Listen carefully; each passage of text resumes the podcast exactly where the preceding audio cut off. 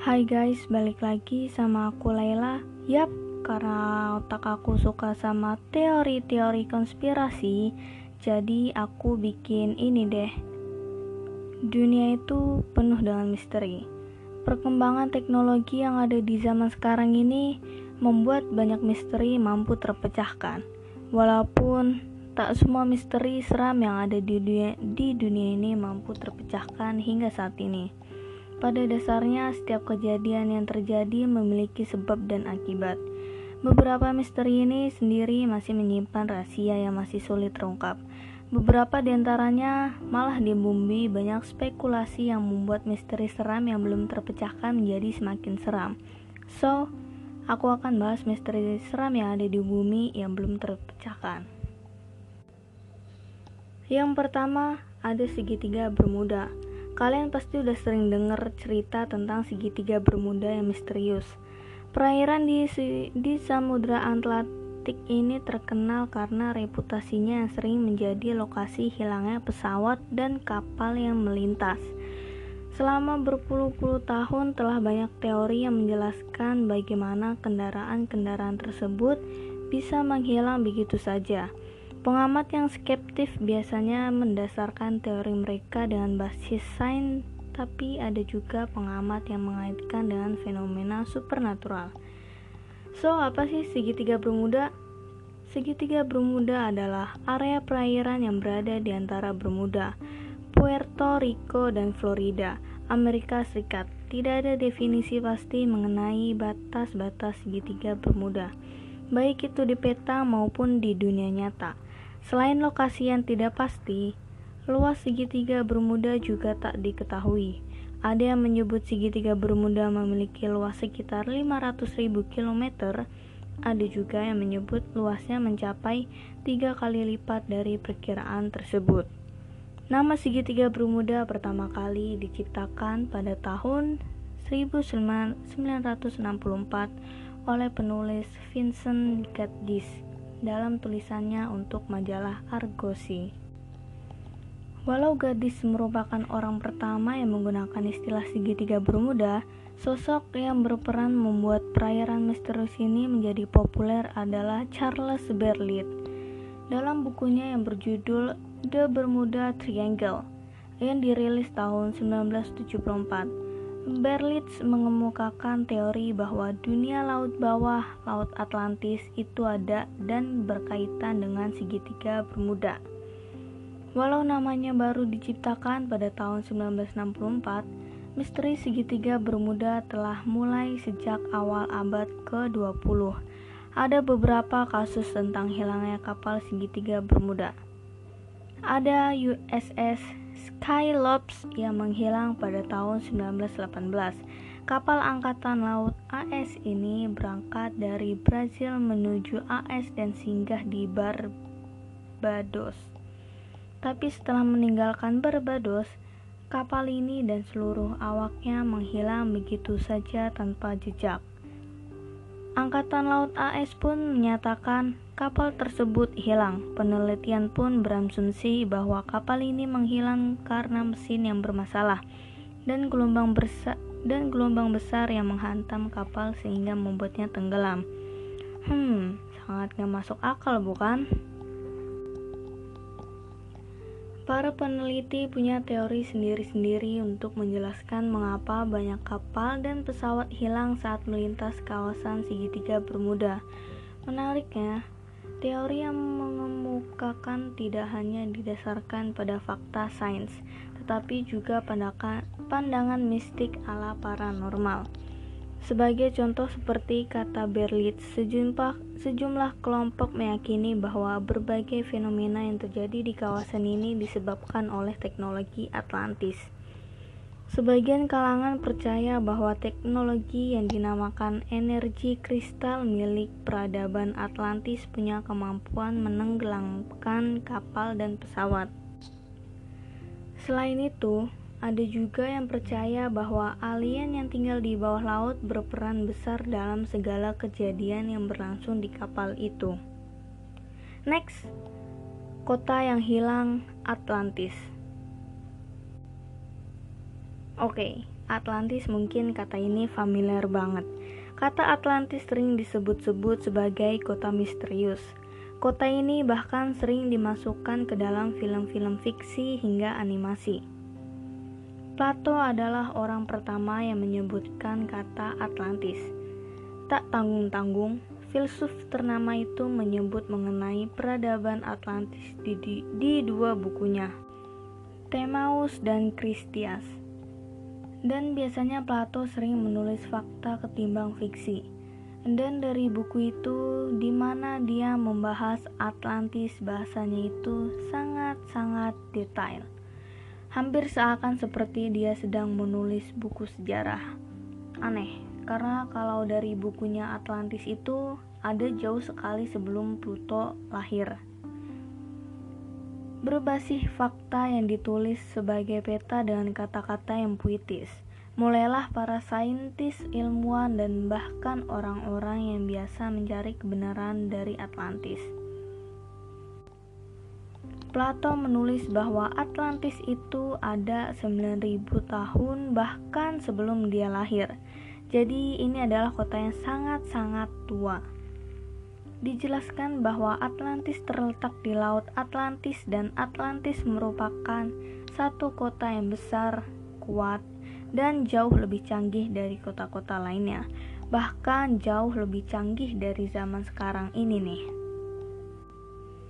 Atlantis ada di sebuah pulau dikelilingin gunung-gunung dan alam yang indah memiliki binatang-binatang yang eksotis dan kotanya sendiri dikelilingi oleh tiga cincin dan pelabuhan.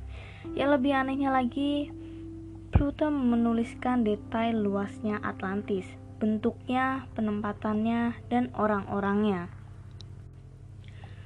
Para sejarawan percaya bahwa Atlantis sangat canggih sampai pada 10.000 tahun yang lalu mereka sudah memiliki elektronik-elektronik setara dengan apa yang kita punya sekarang. Walaupun di bukunya Plato sangat menjelaskan dengan detail bahwa di mana Atlantis berada, tapi karena bukunya sudah tua dan bu bumi kita sudah tidak seperti bumi pada zaman dahulu. Dari situ muncullah ratusan di mana letak Atlantis berada. Yang pertama ada Atlantis sebenarnya adalah Minoan. 5000 tahun yang lalu, orang-orang Minoan itu adalah peradaban yang besar pertama di Eropa yang berkembang di pulau Crete. Mereka orang Eropa pertama yang bisa menggunakan bahasa tertulis dan bisa membangun jalan raya beraspal. Mereka masyarakat yang sangat maju, pembuat kapal dan pelaut yang luar biasa. Kerajaan maritim mereka juga begitu luas, menyaingi orang-orang Mesir kuno. Orang Minoa ini tinggal di salah satu pulau yang berbahaya di bumi, di sebelah gunung berapi, Thera. Sekitar tahun 1600 sebelum Masehi, pulau ini diguncang oleh gempa bumi yang sangat dahsyat dan letusan Thera merupakan letusan terbesar sepanjang masa. Tsunami yang datang itu melenyapkan kaum Minoa. Apa yang terjadi dengan Minoa mirip banget sama apa yang terjadi dengan Atlantis. Makanya banyak orang yang percaya. Next, Atlantis ada di bawah Indonesia. Banyak sekali ada orang yang percaya bahwa Atlantis dulunya ada di Indonesia atau bisa disebut berada di bawah perairan Indonesia. Kenapa banyak orang yang percaya bahwa Atlantis itu di Indonesia? Ada ratusan alasan yang bisa dicari. Yang pertama, ciri-ciri alamnya yang tidak bisa dipungkiri mirip sama des deskripsinya Plato. Menurut Plato, Atlantis berada jauh di Samudra Atlantis. Namun yang tadi aku bilang, daratan bumi sudah tidak sama lagi. Ada kemungkinan besar bahwa tempat yang dimaksud Plato adalah adanya di Samudra Hindia bagian timur. Daratan barat Indonesia dulu ada di barat Sundaland.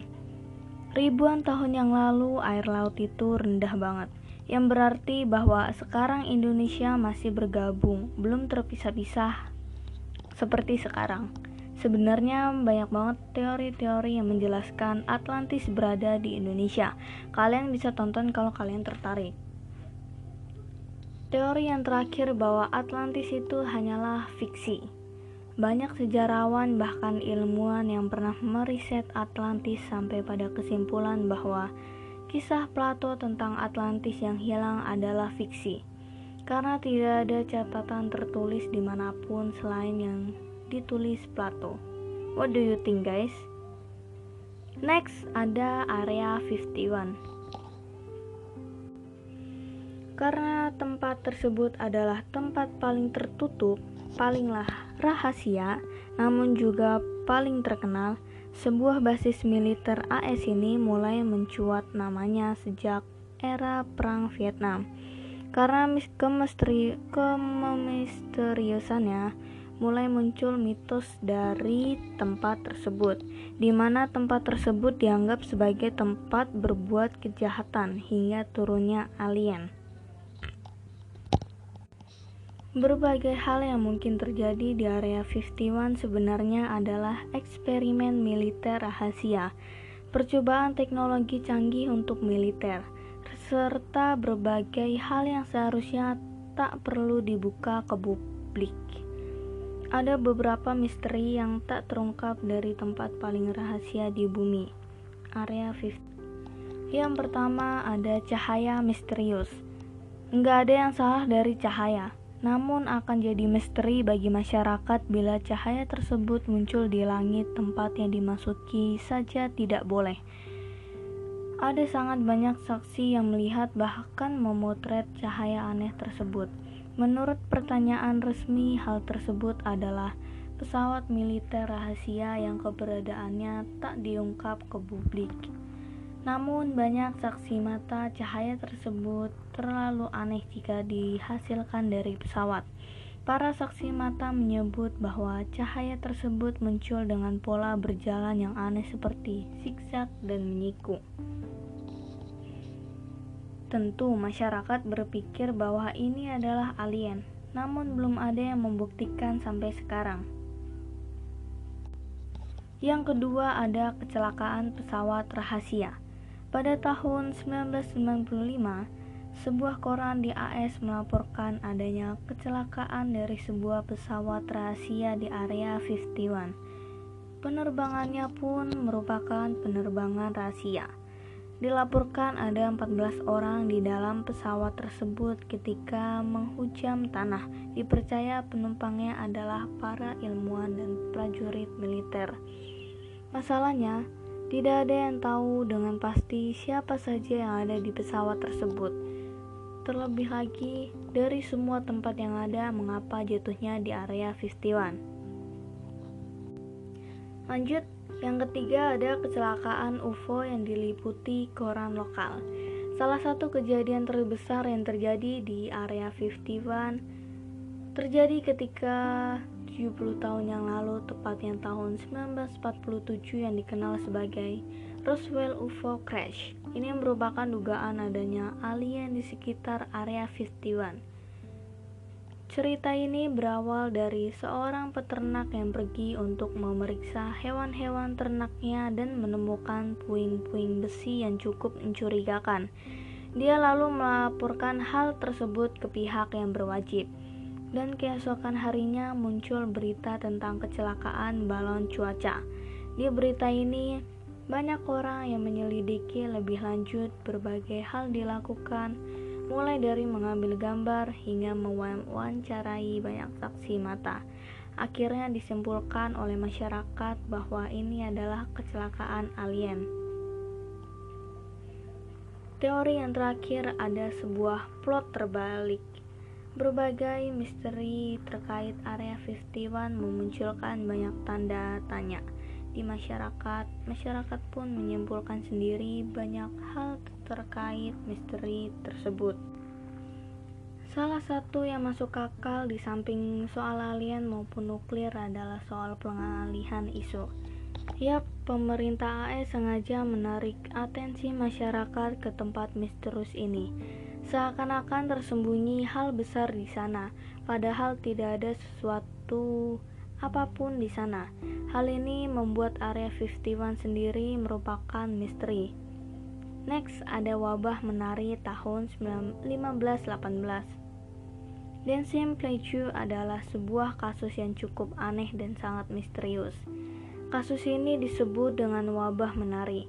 Sejarah mencatat 400 orang menari secara beriringan selama berhari-hari bahkan hingga berbulan-bulan tanpa istirahat. Wabah ini banyak merenggut nyawa yang diakibatkan karena serangan jantung, stroke, dan kecelakaan. Wabah ini ternyata tidak hanya terjadi di satu tempat saja, tapi hampir di seluruh Eropa. Kisah ini bermula dari seorang wanita yang bernama Frau Trofia. Saat itu semua berjalan dengan semestinya. Wanita itu tiba-tiba datang dan menari-nari seperti orang gila. Masyarakat melihatnya sebagai hiburan tersendiri sampai semuanya berakhir mengerikan. Trofia yang datang kala itu ternyata tidak berhenti menari hingga berhari-hari. Lebih mengerikannya lagi, beberapa orang yang menonton mulai ikut menari juga. Jumlah orang yang menari terus bertambah hingga mencapai ratusan. Sampai pada puncaknya, diperkirakan ada kurang lebih 400 orang yang ikut menari bersama. Mereka bahkan menari tanpa makan, tanpa minum, dan tanpa istirahat hingga akhirnya tubuh mereka tidak sanggup lagi dan tumbang di tempat. Tentunya fenomena ini sangat membingungkan masyarakat dan sampai sekarang tidak pernah mendapat jawaban yang pasti. Yap, itu dia misteri-misteri yang ada di bumi. Gimana menurut kalian? and tunggu aku di podcast selanjutnya. Bye bye.